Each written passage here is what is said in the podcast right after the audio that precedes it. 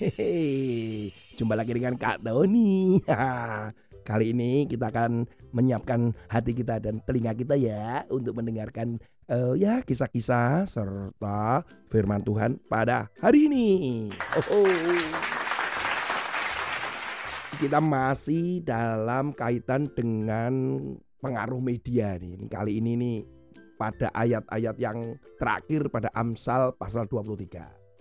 Beberapa waktu lalu ada seorang remaja tepatnya ya umurnya 18 tahun bernama Ali Zain.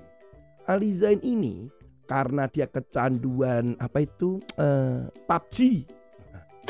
itu mainan yang online yang sering anak-anak lakukan itu loh. Singkatannya aja Player Unknown Battleground. ya, Karena si Ali ini ternyata suka bermain kemudian dia menjadi terisolasi tidak mau keluar dari kamarnya. Eh, ada satu kejadian pada bulan Januari 2022 kemarin anak-anak. Ternyata setelah makan siang Ali Zain ini orang Pakistan ya anak-anak itu tiba-tiba langsung membunuh empat keluarganya. Waduh. Ibunya dibunuh, kemudian saudara laki-lakinya juga dibunuh dan dua saudara perempuan. Jadi totalnya ada empat anak-anak. Waduh, dipikir apakah ini arena PUBG apa begitu? Ketika diwawancara memang Ali ini ketemu dengan polisi dan dia mengatakan bahwa dia memang suka melakukan uh, kekerasan karena seringnya tiap hari itu melakukan main game online ini tidak kenal waktu.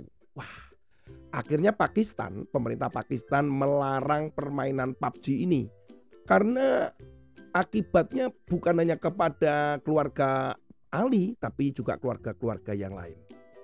Kalau di Indonesia sendiri ada nggak Kak Tony? Eh ternyata di Indonesia itu juga ada anak-anak bernama Del Piero, umur 11 tahun.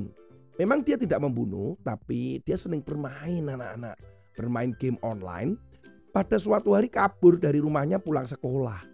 Gak main-main, kaburnya satu bulan anak-anak. Waduh, lama loh satu bulan itu. Dan ketika dicari oleh uh, orang tuanya, keluarganya, oleh polisi, memang akhirnya ketemu dan dia sedang mengam itu apa itu? Mengamen, mengamen, mengamen mengamen di pinggir jalan di perempatan jalan untuk mendapatkan uang dan tetap kembali lagi untuk bermain game. Aduh, anak-anak, ini loh akibat-akibat dari mereka ini nggak sadar mereka ini. Kita akan buka firman Tuhan di dalam Amsal pasal yang ke-23 anak-anak ayat yang ke-35.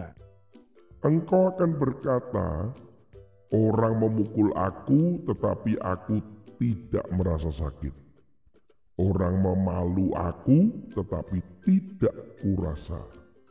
Bilakah aku siuman, aku akan mencari anggur lagi. Ayat ini mengatakan bahwa mereka ini yang karena tipuan-tipuan itu, mereka jadi tidak sadar, dipukul nggak terasa, dipalu nggak terasa.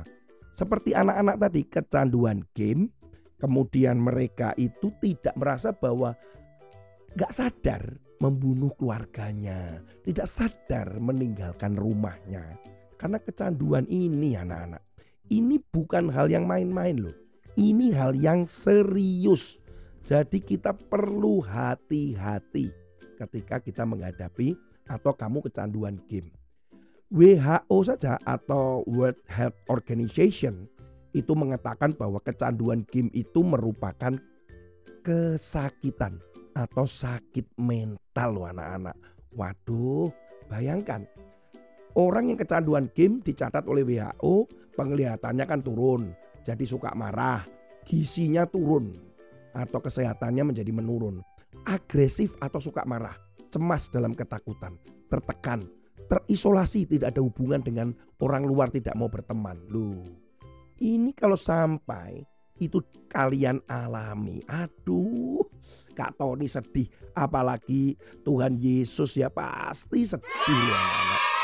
Kalian nggak boleh Dan kalau kalian hari-hari ini mengalami kecanduan itu, mulai kehilangan kesadaran, lupa waktu, lupa belajar, lupa tidur, lupa makan. Nah, itu semuanya kan itu lupa-lupa. Jangan-jangan nanti akhirnya kamu begini, lupa namamu. Aduh, ini perlu penanganan yang serius. Oleh karena itu, Kak Tony akan doakan kalian. Ayo, tangannya diangkat kalau kalian ini sedang kecanduan. Tuhan Yesus, kami berdoa, Kak Tony berdoa di dalam nama Tuhan Yesus. Setiap anak-anak yang mengalami kecanduan media di dalam melihat, mendengar ataupun sedang melakukan memegang handphone terlalu lama, memegang tablet terlalu lama, melihat, menonton dan yang itu semuanya tidak berkenan di hadapanmu. Ada kekerasan, ada pornografi, ada kegiatan-kegiatan okultisme atau hal yang terkait dengan setan-setan atau mungkin membawa mereka pada pikiran-pikiran yang jauh dari Tuhan.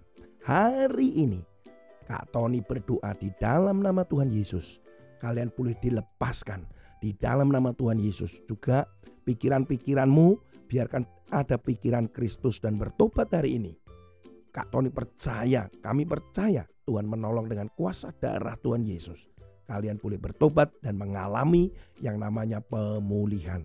Di dalam nama Tuhan Yesus, yang percaya katakan bersama dengan Kak Tony, Amin.